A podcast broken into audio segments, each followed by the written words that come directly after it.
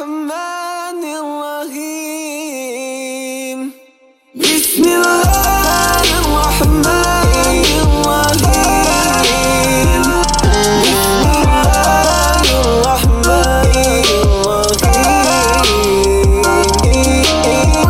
Assalamualaikum warahmatullahi wabarakatuh. Waalaikumsalam Kembali lagi warahmatullahi. mendengar NJU You. dengan saya Ashnul. Saya Don Jani Dan saya Ustaz Abdullah. Alhamdulillah. Allah. Okey, ke, uh, podcast apa ni?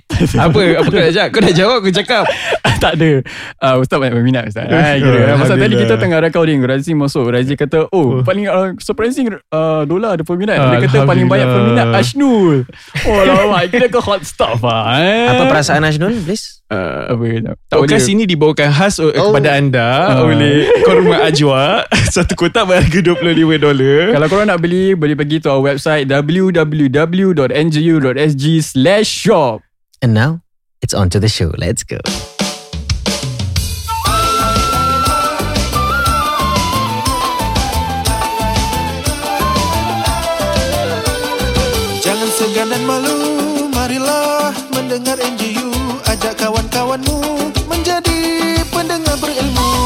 Segan dan malu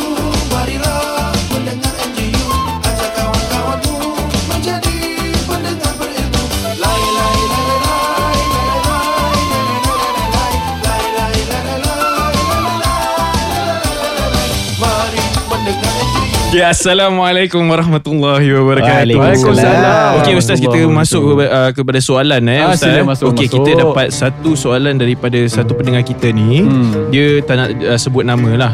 Okey uh, Assalamualaikum. Assalamualaikum There are a lot of issues in my family. Hmm. It all started dari dulu when my uncle pinjam duit from my dad, relatives. So there is conflict between my parents and him and also my grandparents. And then another component is that my nene, she is usually quite rude to my parents. She likes to talk bad about my parents to my other relatives in front of me. So like me and my brother, we are stuck in this problem and it's really frustrating. What should I do as a daughter to solve this? Okay, Ustaz. Jadi dia ada seorang anak yang nampak family issues lah. Aha. And dia frustrating tak tahu nak buat apa. Uh-huh. Macam mana tu Ustaz? Apa pendapat Ustaz? Okay, I think it's very complicated eh. Ah, to be tu honest, lah. complicated. Dia ada Yeah. dia punya pakcik, ada dia punya nenek, Hmm. and then ada apa lagi? Uh, dia punya relatives. Relative Ah, juga. dia, dia terangkan dia punya nenek tu macam pun ada macam uh, uh, mungkin berbuat buruk pasal uh, parents dia lah dengan Hmm. relatives yang lain. Kau tahu mak kau, uh, dia pun sama tak guna. Ah, it could be like that. Yeah. Yeah. Macam mana Ustaz? Hmm. I think it's very hard jugalah to for them in that situation. Kita pun empathize macam kesian sih. Mhm. If I were to be placed in the same situation pun Mhm. macam Hmm. tak tahu sih like Jadi apa nak toxic cakap. lah. Pasal kita kita like like how orang ni yang tanya Hmm, kan. hmm. Kita orang muda Mhm. and then for us to nak tegur ni kan dosa Mhm. buat buruk pasal ni. Ah. Confirm dia orang ada dia punya jawapan balik. Nanti And dia jadi cerita lain pula Ustaz. Ah, dah, dah jadi makin complicated. Ah, tu lah. Okay, so I think first and foremost is kita kita kena ingatkan sekali lagi yang dalam Islam ni Mhm. kita tak menganjurkan putus silaturahim. Yeah. And I know it sounds easy macam ah, apa ni orang dah buat jalan kita takkan kita Mhm. tak itu. Mhm. Tapi dalam Islam pun kita ajar yang Mhm. this this concept of silaturahim Yeah.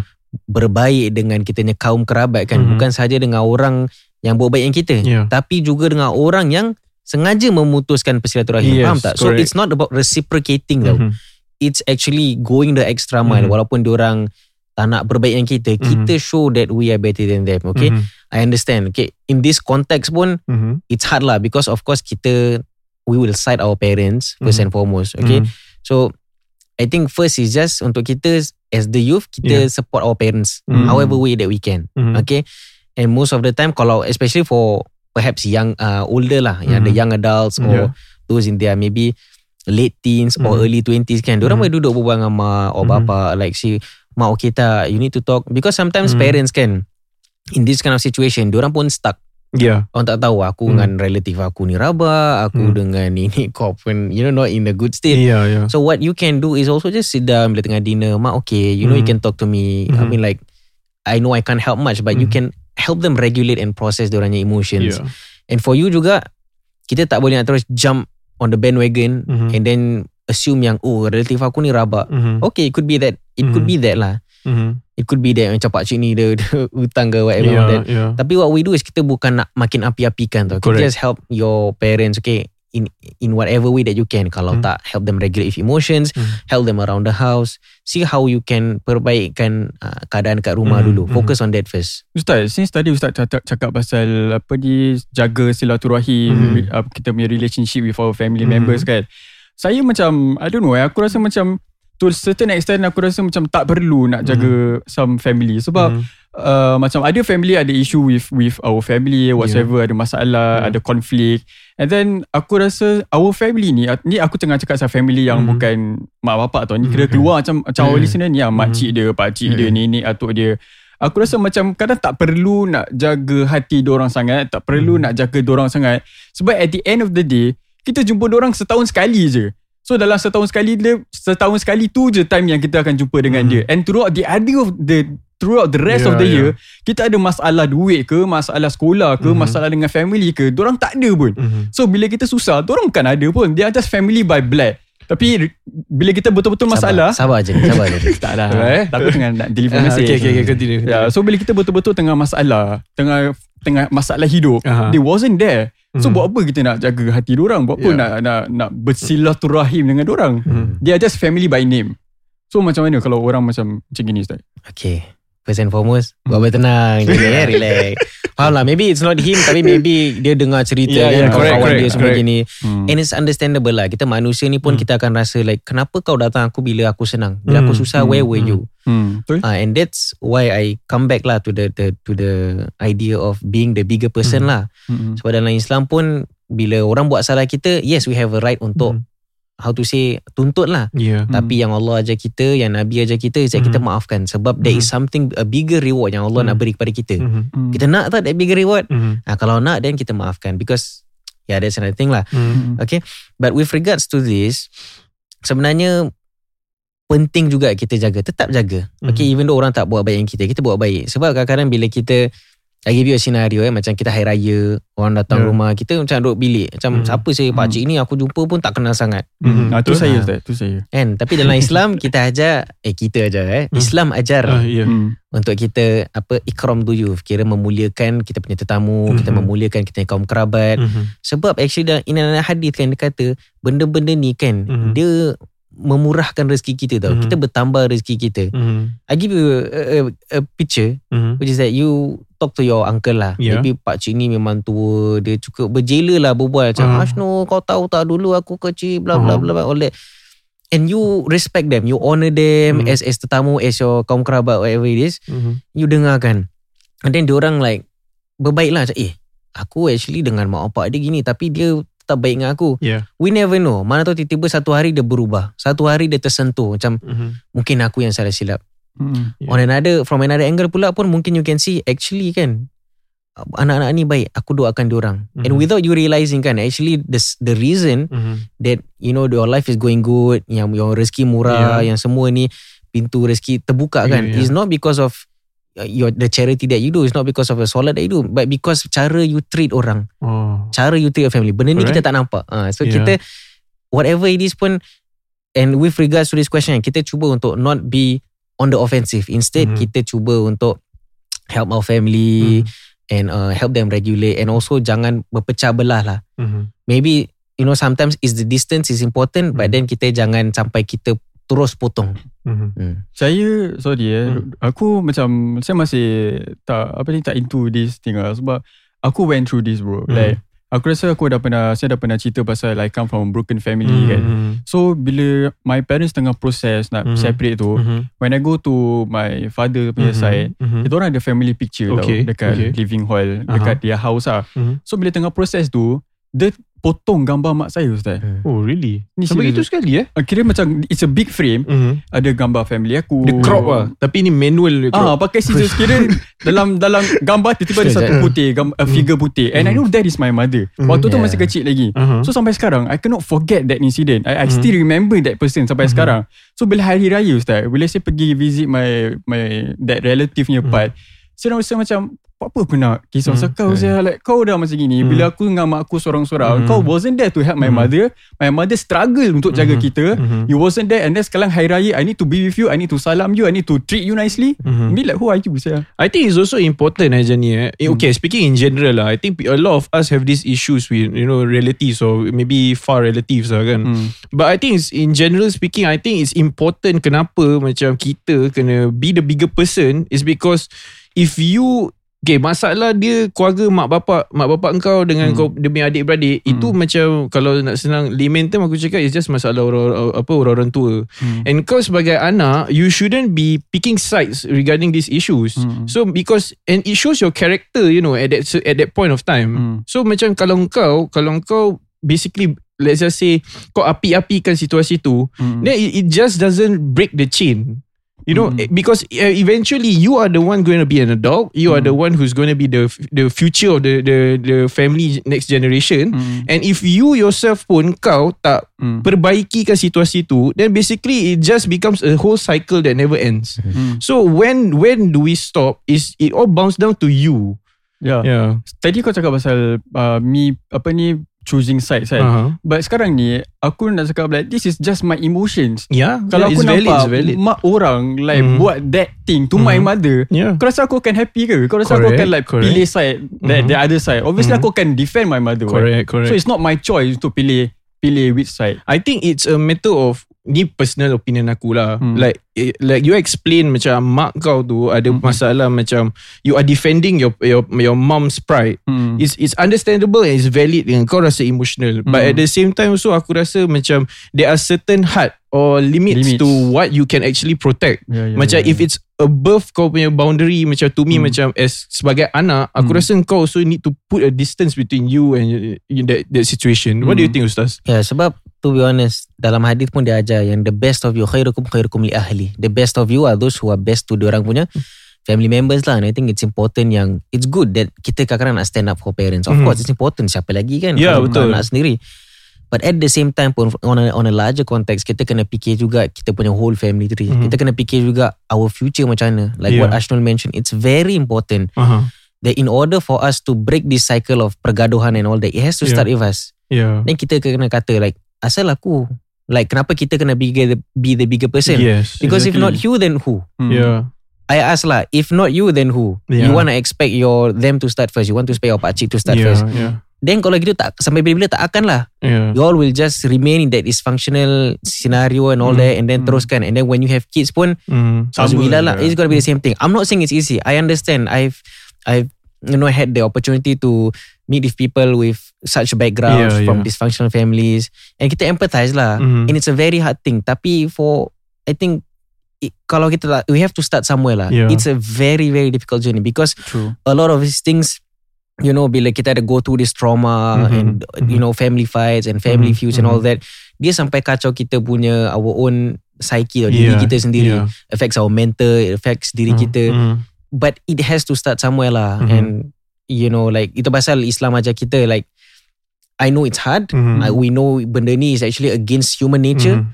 but insyaallah Allah ada untuk reward you with something better if you Correct. if you choose to take this path lah Yeah. Hmm, aku agree with kau Ashnu and also Ustaz. I I really understand the part of macam ada limits Yeah. between anak dengan anak, Uh-huh. anak dengan our parents. Uh-huh. Macam aku for my situation, Mm.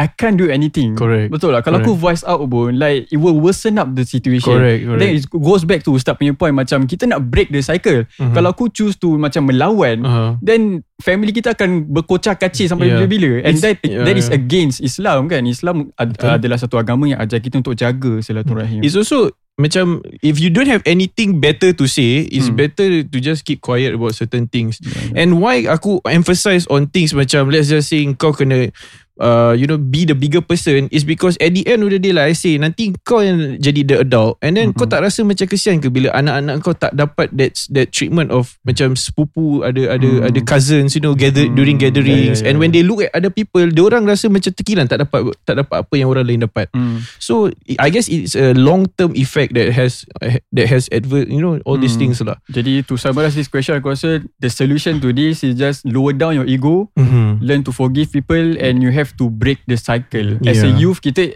orang-orang muda kita have to make a change to society, society kan. Mm. So macam itu kita kena change culture dalam family kita. Yeah, I Thank think you that- for that- for the question. Yeah, that was a good conversation. Thank yeah, you, aku macam tiba-tiba macam "Rah," pula. Faham, relax eh. Yeah, yeah, Okay, yeah. sambung ke soalan yang seterusnya. Alright, soalan seterusnya ni is a unknown question and soalan ni berkaitan dengan isu family juga. Hmm. And aku rasa we have a lot of these issues sebab aku rasa the youth today we have banyak orang yang suffer with masalah-masalah keluarga, toxic family. So soalan ni ustaz datang daripada uh, a unknown someone lah sebab dia tengah nak cerita pasal family dia kan. So dia kata uh, Assalamualaikum NGU. Waalaikumsalam. Waalaikumsalam. Dia, ta- dia cakap dekat sini Someone close recently passed away And I didn't feel anything Salah ke Ustaz? Atau makruh ke Kalau kita tak rasa macam Tak rasa apa-apa ha, Jadi maksudnya Someone close Mungkin ahli keluarga dia lah Yang meninggal lah whatsoever Meninggal Tapi dia, dia tak rasa sedih pun Dia tak rasa affected pun Mhm. Dalam Islam salah ke? Okay, bismillah. Jadi actually perkara ni bukan tak terjatuhnya dosa lah. Yeah. It doesn't become dosa. Okay. Sebab it has to do with your emotions. Mhm. Hmm. However, perkara ni actually comes into question the state of your heart lah. Mhm. Uh, sebab dulu ulama pertikaikan banyak pasal apa the illness of the heart uh, and and what it is. So bila Hmm. actually sebenarnya mati ni adalah satu peringatan tau Hmm. untuk semua orang untuk orang-orang yang beriman. Sebab Hmm. especially bila kita pergi you know hantar jenazah and all Hmm. that kan before orang lower it down kan dia akan adanya peringatan Yeah. wahai orang yang sini Yeah. ingat pasal itu and I think that's important Mhm. sebab mati ni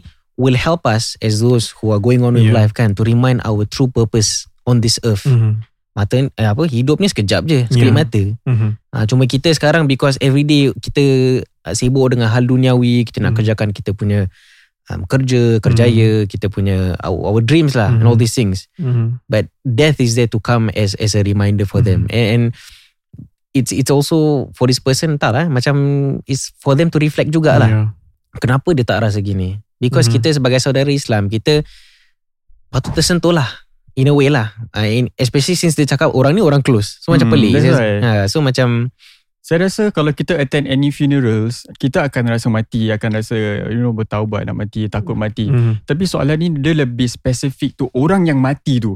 Orang yang mati tu for example kita kita break the, the conversation Yeah, yeah. okay. Hmm. For example orang yang mati tu dalam hidup dia dia dah buat salah dengan kita. Okay. Dia dah mengkhianati kita, dia dah Hmm. menzalimi kita. Mhm. And we are not at fault. Orang tu yang salah. Okay. And then sekarang dia mati. And then apparently he happens to be someone close to us. Aha. And then bila dia mati kita akan rasa macam ah, Lega, pada- lega. ah, lega rasa Ah. macam ah bagus lah kau pun dah tak Okay. ada kat dunia ni hidup aku Ah. lebih baik ah. Mhm. Macam mana ustaz? Lepas tu kita tak nak doakan dia.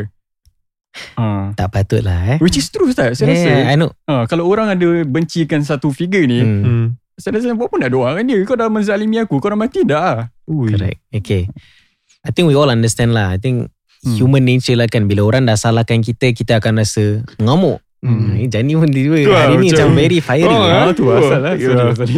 Means a lot lah eh lah hari ni. eh. Belum makan ah, belum makan. Okay. Okay Teruskan So Ustaz.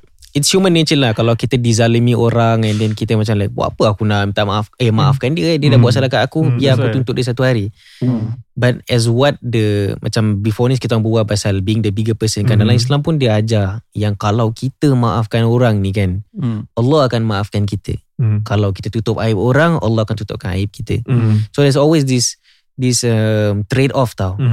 Because this this is a huge thing lah It deals with emotions It deals Mhm. with kita punya like ger, Sifat Yeah, geramnya Geram lah. Ah. This is my right what Kau Mhm. dah zalimi aku That's Ah, right. Tapi Islam ajar kita That it, it also Makes us reflect lah Adakah aku sendiri Tak ada salah silap Mhm. Is it aku je Yang macam You know Kalau Dalam hadis kan dia kata Kalau kita maafkan orang ni Bila Yeah. dia dah zalimi kita Yeah. Kita dinaikkan martabat Yeah, kita And kita correct. dima, di, dimaafkan lah dosa Correct. kita So kalau kita rasa Yang kita ni Martabat ni dah tinggi sangat Kau rasa kita ni pak, Memang tak ada dosa langsung kan Ah, By ah. all means lah Mhm. By all means tak nak maafkan Hmm. Then you Tuntut lah Tuntut. Ah. Hmm.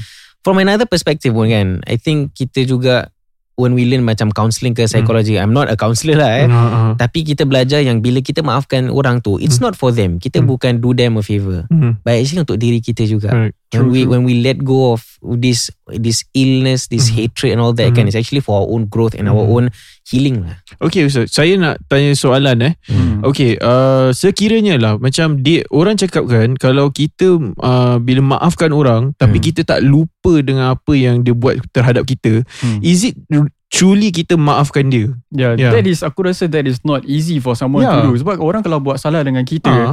we can forgive them, but Yeah. it's like impossible to forget apa yang dia buat Yeah, dengan kita. Ustaz. Jadi apa definisi maaf? Maaf actually? tu. Is it Macam- maaf forgive ataupun kita like lupakan baru dikira maaf? Macam dikira salah ke kalau macam saya ni orang dah dulu mengkhianati saya atau Hmm. buat buat uh, orang kata macam buat benda yang mungkin saya tak uh, saya mungkin berasa uh, trauma lah trauma, lah kan. Okay. Habis saya maafkan dia, saya maaf apa yang dia buat atau masa silam saya tu, tapi Hmm. dalam uh, dalam masa yang sama sama tu saya tak uh, ma- uh, tak Tak lupakan lupakan. apa yang dia buat tu. Hmm. Okay, so Bismillah eh. Hmm. Kita takut dah. Dah nervous lah. Dua-dua sekarang dah dah berapi tu. okay, okay. Eh?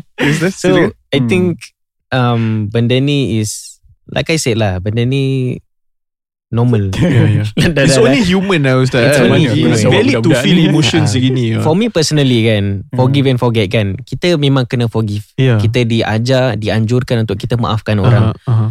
Susah senang ke, that is the goal yang kita nak lah. So Okay. we get that peace of mind, that peace of heart. Mhm. But forget tu, for me personally, we shouldn't forget lah. Sebab Mhm. kalau kita lupakan, Mhm. okay, then end up kita akan jadi naif lah. Mhm. Kita ingat, okay, Hmm. orang ni dah buat salah. If it's a pattern lagi kan, Mhm. kalau benda ni asyik buat salah kat kau, kau eh. Oh, Mhm. dah, dah, dah marah juga. kalau orang dah buat salah kat kau, habis kau masih nak maafkan, habis kau biarkan, Ah. kira what about you? Yeah, Kau tak fikir correct, Macam kau tahu lubang ni ada ada Oh. ada apa nama dia?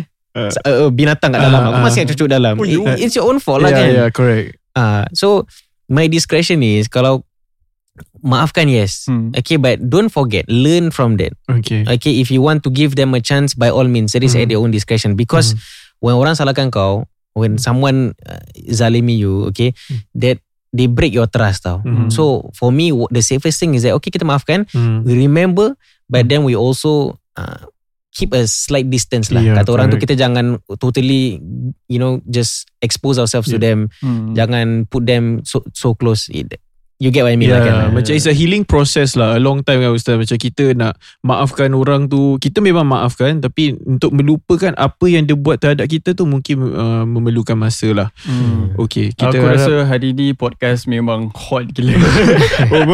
Tak tahu bilik ni Aku ke pun sekarang tengah ah, panas macam tengah panas Kita kan, tengah kan? beremosi Ya, sekarang Which is itu. good lah That is the idea of NGU Ya, well, We are lah. being real With our Kau discussion tak habis real kau We eh. are real bro Yelah.